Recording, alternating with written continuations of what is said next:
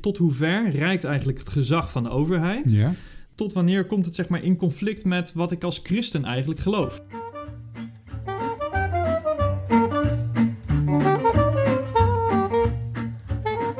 Welkom allemaal. We hebben eh, een nieuwe podcast in de serie Huis, Tuin en Kerk. Dat is de titel die we gaan hanteren voor deze serie gesprekken die Giel Vleesenbeek en ik, Simon van der Lucht, willen gaan houden. Giel, welkom. Ja, dankjewel. We gaan het eh, vandaag hebben over, zeg het eens. Vandaag eh, gaan we het hebben over burgerlijke ongehoorzaamheid. Oké, eh, misschien gelijk maar even een kleine toelichting. Wat bedoelen we daarmee? Ja, wat bedoelen we daar nou mee? Volgens mij is dat gewoon, als je als burger ongehoorzaam bent, dan is er sprake van burgerlijke ongehoorzaamheid. En dat is juist volgens mij vandaag heel erg aan de orde, omdat je best wel in een tijd van corona hele strikte regels krijgt die we als burgers niet gewend zijn. Nou, dan komt altijd de vraag: ja, ga ik gehoorzamen ja of nee? En dan zie je nu een best wel een soort tweedeling. Ik denk dat het grootste gedeelte van de mensen best wel gehoorzaam is. Of in ieder geval gehoorzaam wil zijn. Maar er ook wel een groep mensen is die nou gewoon zegt: Ik wil hier niet aan gehoorzamen. Nee. Hè? En dus die, en daar zie je allerlei opstanden, of Ja. nou, opstanden, demonstraties, laat ik het zo zeggen. Maar Ja. het, het komt zo wel een beetje in de buurt van een opstand. Maar eh, En het heeft dus te maken, als ik je goed begrijp, met de overheid. Hè? De verhouding als burger tot de overheid. ja, Want de overheid die geeft nu aanwijzingen, sterker nog sterke aanwijzingen over hoe we ons moeten gedragen. En jij zegt, nou, dat is een actueel thema, want er zijn mensen die zeggen, ik doe eigenlijk niet mee. Nee, en eh, sterker nog, ik, ik zou zeggen, op een bepaalde manier eh, zie ik, zeg maar, je, nou ja, wat ik zei is dus in het groot zie je wat opstanden tegen die regels. Maar op een bepaalde manier denk ik dat we allemaal wel ons afvragen op een bepaald moment van, hey, ga ik gehoorzamen aan die regels, aan die anderhalve meter, hoe strikt ga ik zijn? Ehm, en dat is denk ik juist als christen van belang, omdat je ehm, nou, je af moet vragen van... Hey, tot hoe ver reikt eigenlijk het gezag van de overheid? Ja, Ehm, waarop het... Tot wanneer komt het zeg maar in conflict met wat ik als christen eigenlijk geloof? oké. Want dan heb je dus eigenlijk, wat dat betreft, gelijk een mooi voorbeeld gegeven voor wat we ook bedoelen in deze serie. Als we het hebben over huis, tuin en kerk, dan willen we steeds onderwerpen bespreken die te maken hebben met ons dagelijks leven, maar in relatie tot ons christen zijn. Hè? Ja, En je zegt dus eigenlijk, nou, we hebben het vanmiddag of vandaag over eh, onze houding als christenen ten opzichte van de overheid. En of er niet situaties bestaan waarvan we zeggen, nou, dan kunnen we niet gehoorzaam zijn. Ja, precies. Ja. Nou, en, Nou, en als we nou, voordat we nou echt bij direct bijbelteksten of, of, of christelijke gedachten uitkomen, nog even wat meer verkennen waar het over gaat. Hè? Want je zegt, nou, je wil misschien niet meedoen aan de regels van eh, de overheid rondom corona. Maar is dat nou hetzelfde als van, nou, je hebt een keer toevallig of spontaan de regels niet gehouden? ehm, nou, ik denk dat we allemaal wel wat, wat regels af en toe ehm, Ja, overtreden. Eh, ik bedoel, eh, ik hou bijvoorbeeld zelf wel van een beetje hard rijden en die 130-regel, eh of tenminste die 100-regel, dat je dus eh, alleen nog maar s'nachts wat 130 mag rijden en Ja. ook geen 120 meer, vind ik lastig om te houden. ja. Maar is dat een vorm van burgerlijke ongehoorzaamheid in dit verband? Ehm, nou, in dit verband zou ik niet zeggen dat het Nee. echt... Dat is geval niet wat we bedoelen. Nee. Kijk, of wat ik bedoel in ieder geval. Kijk, je hebt, je hebt natuurlijk regels die je soms overtreedt. Daar krijg je een boete voor. Eh, je loopt door rood en dat je rijdt te hard. Je... ehm, nou ja, tot en met eh, belastingfouten. of een keertje iemand die iets steelt uit een winkel. Nee, burgerlijke ongehoorzaamheid is toch echt dat je zegt eh, van nou, je, als overheid hebben jullie een regel gemaakt en ik ben het daar zo niet mee eens dat ik er echt voor kies om me daar niet aan te houden. Ja, Eh, want hij grijpt zo op mijn leven in dat het gewoon tegen mijn principes ingaat. ja, Nou, ik heb me daar in mijn studie een tijdje mee bezig gehouden toen in de Tweede Wereldoorlog ehm, natuurlijk er een Duitse overheid kwam. En ja, toen kwam je als burger, maar dus ook als christen, in conflict met van ja, welke, hoe, welke houding neem ik aan richting de overheid? Maar als christen krijg je de extra vraag, ja, wat vraagt God nou van mij? Ja. Ehm, ja, kan ik bijvoorbeeld geweld gebruiken tegen, ehm, in verzet, in opsta- opstand komen tegen een nieuwe overheid? Of, of is het juist mijn christelijke plicht om de overheid te respecteren als een bijvoorbeeld van God gegeven instantie die gewoon de regels vertelt. We zitten niet echt in oorlogssituatie, gelukkig nog niet. Zo af en toe eh, eh, eh, gaat het er wat gespannen en lijkt het een soort kruidvat. Maar ik voorzie in ieder geval in Nederland nog niet op korte termijn een Nee. burgeroorlog of iets. Ehm, maar ik denk wel dat, er, dat we regels krijgen van de overheid. ehm, nou, die eigenlijk grenzen tegen aan- van wat we als christenen bijvoorbeeld onze eigen principes zijn. En ik zou bijvoorbeeld dan zeggen, ehm, nou ja, als je als christen ehm, het principe hebt van eh, eh, ik mag altijd mijn godsdienst beleiden Ja.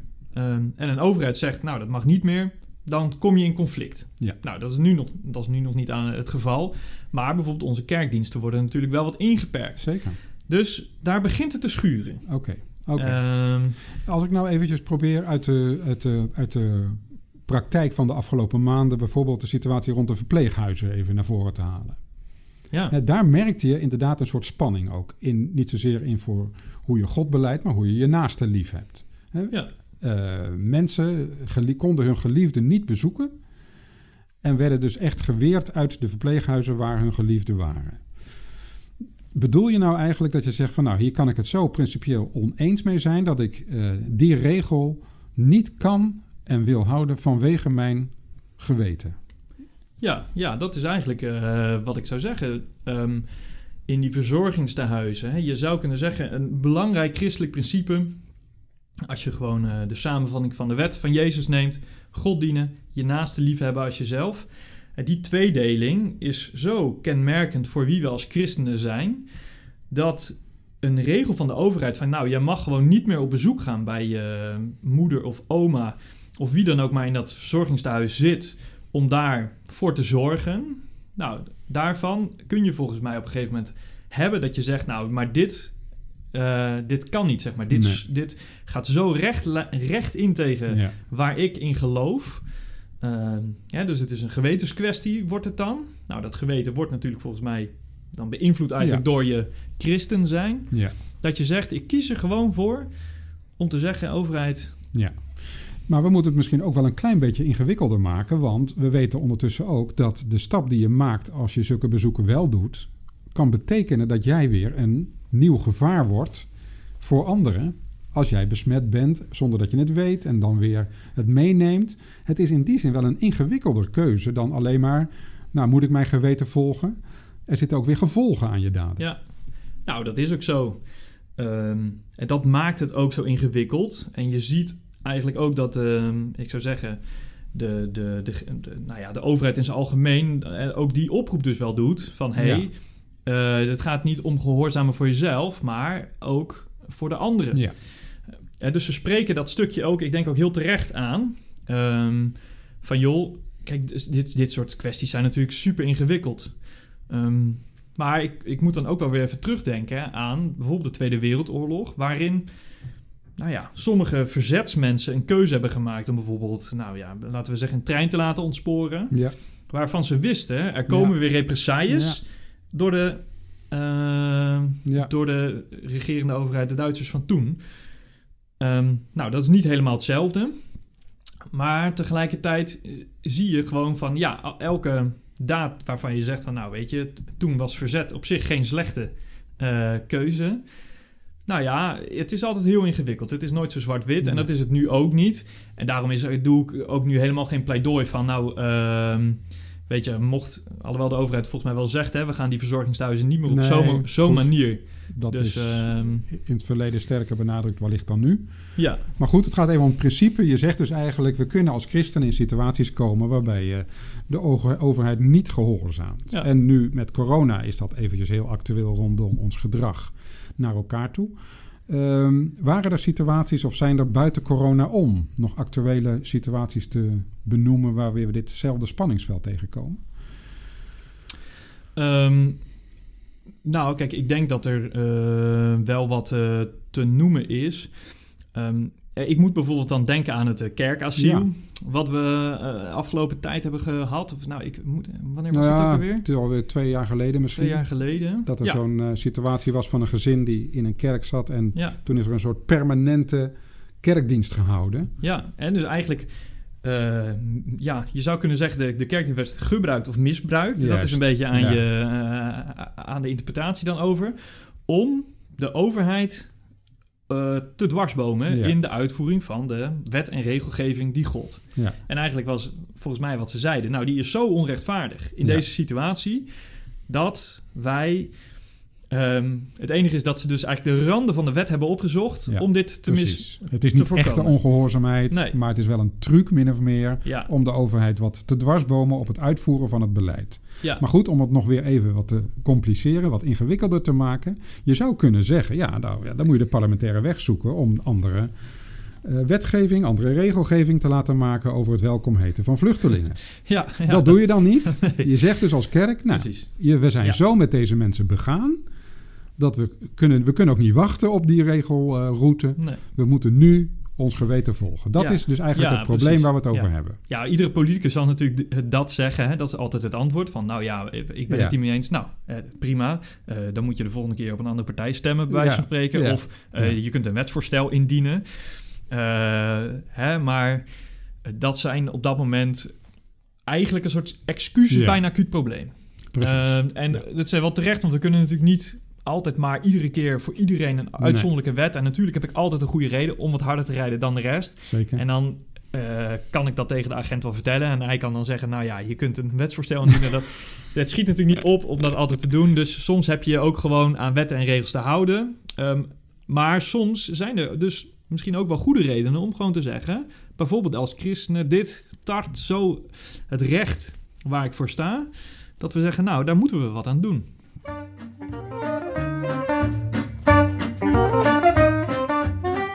Oké, ehm, we gaan verder. En we denken dan na over wat zijn nou bijbelse woorden, bijbelse gedachten die dit onderwerp eigenlijk stempelen. Waar zou jij mee beginnen? Ehm, nou, ik zou er eigenlijk eh, mee beginnen dat ik denk ik een, een, een basisgedachte als eh, christen is dat we eigenlijk de overheid als instantie zien die een van God gegeven autoriteit is. Waar vind je dat in de Bijbel? Nou, er zijn eigenlijk wel verschillende voorbeelden in de Bijbel waarin eh, voornamelijk de apostelen ons daarop wijzen. Een hele bekende tekst is Romeinen 13.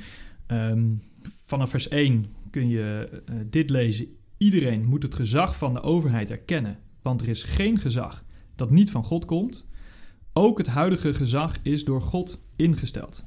Nou, wie zich tegen dit gezag verzet, verzet zich dus tegen een instelling van God.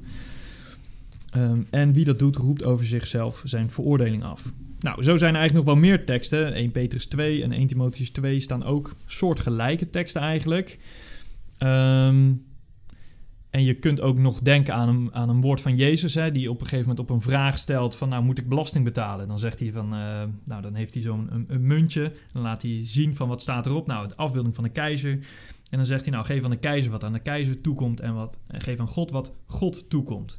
Hè, omdat het voor de Joden een soort vraagstuk was van hoe Ja. moeten we nou met die, die Romeinse overheersing ingaan. En dat is misschien gelijk ook mooi de opening naar de volgende gedachte. Want je zegt, eh, hè, Jezus onderscheidt dus eigenlijk de keizer en God.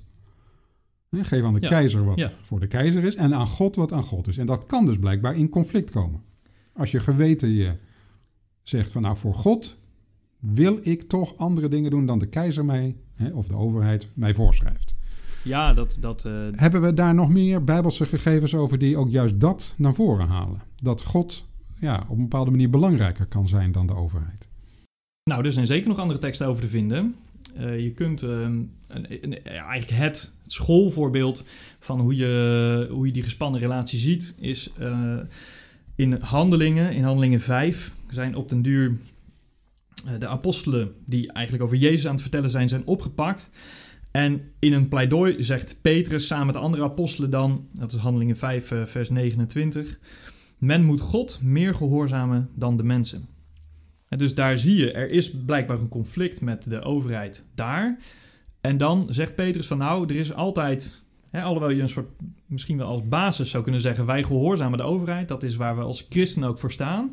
Maar er is altijd een stap verder. God gehoorzamen we altijd meer dan mensen. Ja, nou en als ik dat verhaal ook inderdaad een beetje tot me door laat dringen, ging dat natuurlijk omdat ze verboden werden om de naam van Jezus te verspreiden, bijvoorbeeld. Dan gaat het dus Ja. heel direct over je eh, verering van God, eh, kerkdiensten, mm, evangeliseren, noem het maar. Ja. Is Ja. dat de enige reden waarvan je zegt, nou in je geweten kan je dan eh, besluiten nemen om de overheid niet te gehoorzamen? Of is er nog een andere reden?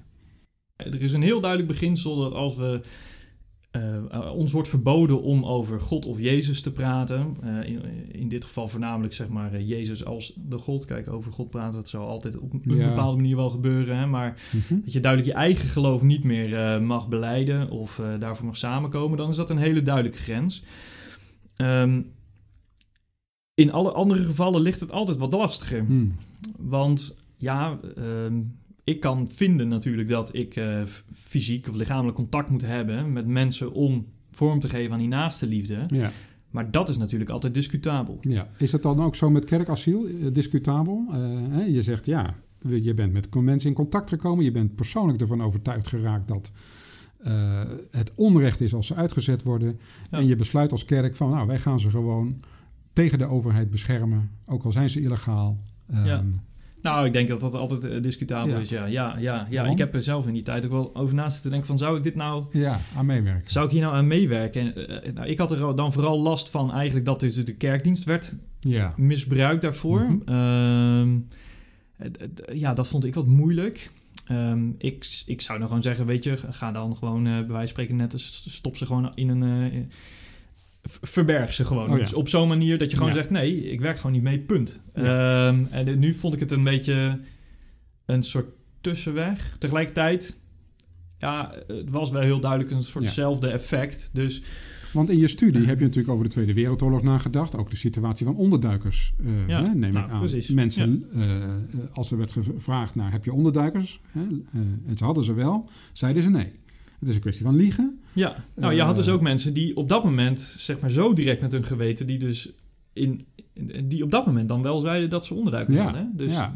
En jij zegt eigenlijk van ja, het, is, het, het blijft in, toch een ingewikkelde afweging eh, als het gaat om het, eh, de liefde voor je naaste, hoe je dat ja. dan in dit verband doet. Nou ja, precies. Kijk, in het geval bij wij, wij spreken van onderduikers kun je wel zeggen. ehm, ja, het was goed om dat te doen. De Joden werden hartstikke vervolgd. Ja. Joden verbergen Ja, was, eh, zou je kunnen zeggen, bijna een christenplicht. Maar Ja. dat betekent nog niet dat je iedere christen kunt verplichten Joden op te nemen. Hè? Nee. Want iedereen, en daar komt het weer, moet dan een afweging maken. Ja, wat heb ik een gezin wat ook gevaar gaat lopen hierdoor? Wat voor andere consequenties zitten er allemaal nog aan de daad die ik doe? Dus daar begint het al moeilijk te worden. ja, Eh, en in het geval van, nou ja, zo'n eh, zo'n asielprocedure, ehm, ja, dan kom je eh, toch ja, met de wet en regelgeving van het land in conflict. Ehm, waar, ja, weet je, waarbij, waarbij het makkelijkste argument gewoon is te zeggen, ja, we kunnen niet iedereen opnemen, punt. En dat kan ook echt niet. Maar dat zullen de mensen ook wel, die dat kerkasiel eh, toen deden, ook niet zeggen van, nou, Nee. nee, dat moet. nee, Eh, precies, dat is ook zo. En kijk, het is natuurlijk één situatie die als een soort voorbeeld voor een totaal beleid wordt aangekaart. En zeggen van Ja. nou, hè, net zo goed nu als met die 500 kinderen uit Lesbos. Nou, precies. Dat is natuurlijk ook zo'n nare situatie, terwijl er nog veel meer kinderen zijn die eigenlijk geholpen zouden moeten worden. ja, precies. Maar je zegt dus ook eigenlijk, ehm, als ik het goed begrijp, eh, het is uiteindelijk een hele individuele afweging. Jij kan niet voor mij beslissen wat ik zou moeten doen. En ik kan het niet voor jou beslissen. Ehm, ons geweten spreekt alleen individueel tot God. Ehm, Of Nou, ik denk niet? wel dat het... Ja, dat vind ik een goede vraag. Ehm, ik, ik, ik, ik zou wel zeggen dat het daar wel begint. Het begint wel bij jezelf en je eigen geweten. Tegelijkertijd kunnen er dus... en vanuit eigenlijk, zeg maar, algemene christelijke of bijbelse waarden... ehm, ja, kan er wel een breder appel gebeuren. Hè? Dus, nou ja, wa- wat we dus net zeiden over... het is toch duidelijk dat als we als christenen worden verboden om het nog over eh, Jezus te hebben... Nou, dan is het geen individu- individuele keuze meer. Dan, dan is het toch echt een groepsaangelegenheid. ja, Ehm, zo kun je denk ik ook op een gegeven moment... Ik, ik ken daar nu op dit moment geen regel van... maar hè, juist ook in dat stukje naaste liefde... nou, zou het kunnen zijn dat we op een gegeven moment als kerk zouden moeten kunnen zeggen in mijn ogen van nou, ho ho, ehm, hier willen we ons gewoon als christenen niet aan gaan committeren. Ehm, eh, maar dat zullen altijd omstreden besluiten zijn. Maar ik weet hoe. eh, denk je er zelf over? Nou, ik vind het ook een ingewikkelde. Ja. Stel dat wij als Fontijn een besluit zouden nemen om inderdaad een vluchtelingengezin te gaan eh, eh, verbergen of helpen tegen de besluiten van de overheid in. Dan vind ik het ingewikkeld hoe het werkt. Want je kunt het misschien als bestuur van de kerk zeggen. Nou, dat vinden wij een goed idee. De Raad van Oudsten die vindt dat en die maakt dat bekend. Maar ja, een individueel lid kan zeggen: Nou, weet je, ik ben gewoon van mening dat als de procedure in Nederland goed is afgewikkeld en een en andermaal een afwijzing is geweest, dat dat ook een weg is waar, bij wijze van spreken, God een aanwijzing heeft gegeven in het leven van deze mensen. Ja. En ik vertrouw erop dat God met deze mensen meegaat als wij ze niet verzorgen. Hè, dat klinkt mij toch niet als een hele ongelovige redenering in de oren. Dus je moet dan kijken van hoe collectief kan zo'n besluit zijn. Ja. En misschien moet je soms ook de nuance weglaten. Hè? Want als je nooit een keuze durft te maken, kom je nergens en doe je nooit wat. En dat is wel heel comfortabel, maar ook eigenlijk ja, dan laat je ook mensen in de kou staan, denk ik. Ja, dat, Dus ik voor mezelf zeg wel van, nou, ik zou het denk ik te moeilijk vinden als ik in zo'n dilemma zou zitten, want het is een dilemma. Hè, echt twee kanten waarvan je denkt, nou, er zit allebei wat in. Maar ik zou ook wel geloof, geloof ik kunnen zeggen, nou, het is misschien niet mijn keuze, maar weet je, ik steun hem toch, nou ja, misschien dan passief of, of weet ik veel wat. ja. Want ik ben de- verraad de asielzoeker niet. eh, nee, en dus ook je gemeenschap niet. Ja, nee, ik, ik wil Ja. dan als lid van de Fontein ook zeggen, nou oké, ik ben er lid van. Eh, weet je, we doen het gewoon maar. God zal het uiteindelijk wel weten wat goed is. Dus er zit Ja. altijd iets in van een soort, ehm, nou ja, zoek toch met elkaar. En dat vind ik ook wel eh, mooi in dit proces, dit onderwerp ook, burgerlijke ongehoorzaamheid. Dat is ook altijd meer een groepsgebeuren dan alleen maar jezelf.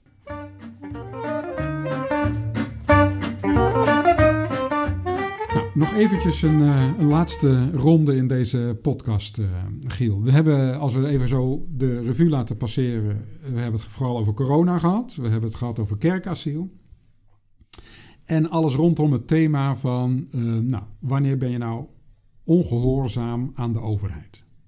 En we zeggen, nou, je geweten kan het doen rondom je verering tot God en je liefde tot de naaste. Ehm, zijn er nou buiten deze onderwerpen nog situaties waar wij er direct mee te maken hebben? Kan jij er iets nog verzinnen? Eh, Ehm, nou, ik, ik, kijk, de verzwegen persoon in deze, in deze ruimte nog de hele tijd is natuurlijk Vert Grapperhaus. wat Daar, daar wilde ik nog eventjes... eh, ja, ik moest daar nog even aan denken.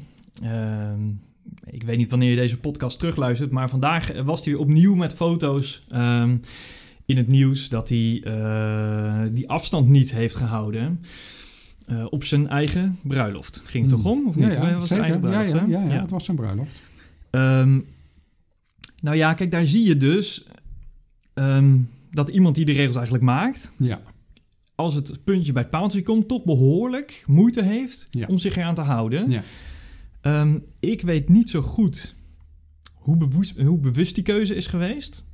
Maar hij wist wel wat hij deed. Hij is natuurlijk helemaal getraind in mensen oproepen dat niet te doen. Hij weet, ik ben een publiek figuur. Ehm, dus dit, dit moet op een bepaalde manier een bewuste keuze zijn geweest. En anders dan moet hij toch wel wat mensen in zijn omgeving hebben gehad die zeiden van nou, dit kan echt Nee. niet. oké. Ehm, het dus, en, en dat is volgens mij wat je eigenlijk in je, in je. Nou, wat ik in mijn eigen persoonlijke leven ook wel zie, is dat je gewoon. ehm, ja, soms. ehm, ja, de, voor de keuze komt te staan. Ja, hoe, hoe strikt ga ik Ja, dit nou toepassen? Precies. precies. Ehm, ik, nou, in mijn eigen, zeg maar, bijvoorbeeld als predikant heb ik bijvoorbeeld eh, niet zo lang geleden een, eh, een pastoraal gesprek gehad. ehm, waarbij ik aan het einde toch graag diegene een omhelzing wil geven. Hmm. En ehm, ehm, het was een man overigens, dus dat, dat, dat, eh, kon in die zin ook. Ehm, en ik heb het ook eh, gedaan. Hmm. Ik dacht, eh, weet je, en dat was dus geen fout. Het was een, het was, eh, moet ik bewuste zeggen, een bewuste keuze. Ja. ja.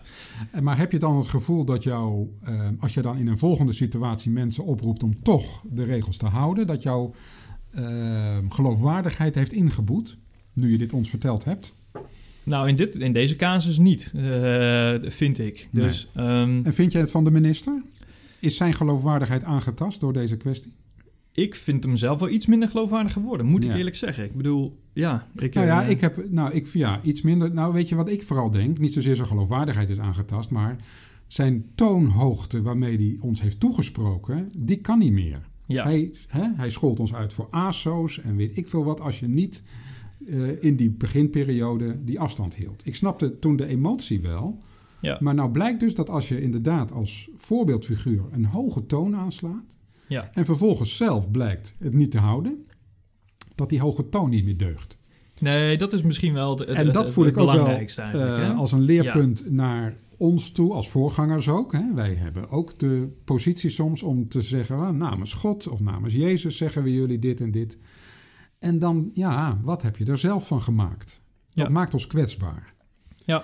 En eh, nou ja, rondom het thema burgerlijke ongehoorzaamheid vind ik het inderdaad wel aardig dat je dat naar voren haalt van ehm, ja, wie roept waartoe op of zo? Of wie is een voorbeeld of een voorganger in Ja. bepaald gedrag? En dat vind ik wel eh, nou, dichtbij komen, ja.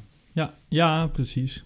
Nou, dat, dat, is, hè, dat, dat is vooral waar het dan misgaat. Hè? Die, die, ja, de hoge woorden en dan toch, Ja, ehm, ja, als het puntje bij het paaltje komt, dus daar geen vorm geven. Want als volgens mij iedereen die diep van binnen zijn eigen hart kijkt en die naar zijn eigen trouwdag toe gaat, eh, die begrijpt dat je op die dag Ja. natuurlijk gewoon even in de buurt van je moeder, schoonmoeder, eh, weet ik het wat allemaal wilt tuurlijk. staan. En dat vind ik dan ook wel weer een beetje sneu voor de minister. ja, Want weet je, hij heeft een trouwdag. Hiep, hiep, hoera voor die man. precies. Die heeft feest. En natuurlijk ben je dan niet allemaal precies anderhalve meter. Iedereen snapt dat. En nou blijkt ineens, als deze man dus inderdaad blijkt niet, te- niet te houden wat hij zelf gepreekt heeft, dan zijn we ook snoeihard, vind ik. Ja, de samenleving ik. Ja. is ongenadig. Ja, ja. En in dat verband wil ik ook nog wel naar voren halen dat burgerlijke ongehoorzaamheid en zo. Hè, het gaat over iets van je gebod van God om de overheid te gehoorzamen. Ja, het, God is wel de God van een genadig koninkrijk, waarin we ook met elkaar struikelen, ook de overheid blundert. Ik vind wel, ik hoop ook wel dat we juist als christenen daarin een stukje mildheid durven te betrachten naar de, in de beoordeling van, nou, ook de mensen met Ja. hoge posities. Nou, dat denk ik ook. Als we toch in de kerk een, zeg maar, zeggen dat we een plek zijn waar we inderdaad samenkomen, omdat we zelf er niet, het, het allemaal niet zo goed doen, dan is de kerk de plek waar dat gebeurt. Dus ook de plek waar we dus juist niet zo hard Nee. zouden moeten oordelen. Ja, Zonder gewoon wel. Hè, we mogen wel benoemen dat er dingen niet goed gaan. Hè? We, hoeven, we hoeven er niet laf van te worden. nee, nee. Maar de manier waarop we het doen, ehm, nou, die, ehm, ja, die, die bepaalt volgens mij wel de. Nou, wat bedoel ik nou te zeggen? Zeg maar de kerk, wij dat we dus inderdaad zondig beleiden te zijn, be- Ja. moet ons wel bepalen bij het feit dat we niet zomaar te harde woorden moeten spreken. Ja, precies. hè. Het bepaalt een beetje de stijl van praten over deze dingen. Ehm, Nou, oké. Dus dat, dat, eh, dat nog als een, eh, een extra eh, element wat rondom dit thema naar voren kan worden gehaald. Ja. Ehm, Nou, en is, is, er, is, Ja. er, is nog één, ehm, één bijbeltekst, die, die, die ben ik dus in mijn studie ook tegengekomen. Dat is wel mooi van onze geestelijke voorvader eh, Klaas Schilder. even wat extra informatie voor de luisteraar dat, dat nog. precies. Nou, kijk, we kunnen natuurlijk, we zijn onderdeel van de vrijgemaakte kerk. En ehm, eh, daar wil ik niet al te veel woorden aan vuil maken. Want in de Tweede Wereldoorlog zelf dus eh, is er een kerkgenootschap ontstaan. Heeft zich dus vrijgemaakt van eh, uitspraken van een kerkverband. Eh, en de grote voorman daarvan was eh, Klaas Schilder. eh, die dus onder andere in de oorlog dus opriep tot verzet aan de Duitsers.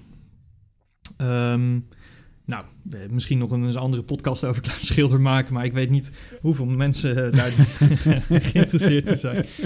Ehm, nou, hij heeft wel een mooie tekst die ik tegenkwam. En dat is Matthäus 10, vers eh, 16. Ehm, hij heeft hem toen in de Statenvertaling iets anders gelezen dan eh, wij hem nu in de Nieuwe Bijbelvertaling lezen. Maar ik vind hem nu ook wel mooi. Daar staat, eh, of, of Jezus zendt dan zijn apostelen uit en zegt... Ik zend jullie als schapen onder de wolven. Wees dus scherpzinnig als een slang, maar behoud de onschuld van een duif. Nou, en dat is eigenlijk een, een, een oud-testamentse tekst die Jezus daar eh, aanhaalt. Uit mijn hoofd eh, is die van Jesaja. Hè, dus, ehm, en, en, en volgens mij bedoelde Schilder daar zoiets mee als van... Hè, in, die, in, in het leven waarin je zit, dan moet je scherpzinnig, slim zijn. Ehm, ehm, hij las het eigenlijk als voorzichtig in die tijd, zo werd het toen Mhm. vertaald. Mhm. Hè, maar er zit iets van, ja, let wel op wat er gebeurt om je heen. Ja. Eh, hè, dus, nou, ja, de slang heeft niet een heel positieve eh, connotatie trouwens, maar dat is volgens mij nu niet heel erg van belang. Tegelijkertijd dus behoud hè, de onschuld van een duif. Hè. Dus zorg er dus Ja. wel voor dat je eh, ook dus heel erg naar je eigen geweten blijft luisteren. Ehm, en doe ook geen dingen aan de ene of aan de andere kant die daar dus niet mee sporen. Dus dat betekent eh, opmerkzaam blijven. ehm, en goed luisteren naar wat, eh, waardoor je wordt aangeklaagd. Dus niet te snel meegaan aan de ene kant die gehoorzaamheid altijd maar zomaar accepteren. Want we zitten wel in een situatie waarin de overheid heel betrouwbaar en goed lijkt. Nou, blijf dus opmerkzaam en tegelijkertijd, weet je, ga niet de wetten overtreden omdat het gewoon stoer is om te doen. Ehm, behoud je onschuld, maar behoud de onschuld ook de andere kant op. Dus als jij inderdaad wordt aangesproken door je geweten om toch naar je, eh, nou, een, knuffel te geven aan je oma in het verzorgingstehuis, omdat ze daar al lang ligt en ze dement is. En voor demente mensen is bijvoorbeeld juist een tastbare aanraking, kan heel veel teweeg brengen. Nou, dan moet je ook ehm, die moed durven hebben, volgens mij. Dat lijkt mij een mooie eh, afsluiter van dit eh, gesprek. Eh, beste luisteraars, we zijn eh, aan het einde gekomen van deze versie van eh, Huis, Tuin en Kerk. En u hebt het wel een beetje begrepen. We proberen alledaagse dingen te combineren met wat we als kerkleden of als kerk bedenken. Vanuit de Bijbel, vanuit ons christen zijn. Nou, we hopen dat u van dit gesprek genoten hebt. Als jullie willen reageren, dan vinden jullie vast wel een weg om ons te vinden. In ieder geval staan onze gegevens op de website van de Fontein. In Zwolle. In Zwolle, let wel. Defonteinzwolle.nl En eh, dus eh, als jullie reacties hierop hebben, staan we er graag voor open. We hopen in de komende maanden nog meer van dit soort podcast, podcasts te maken. En als jullie ideeën hebben, houden we ons daar zeer voor aanbevolen. Ehm, nou, voor nu bedankt. Ja, en eh, ja, tot de volgende keer.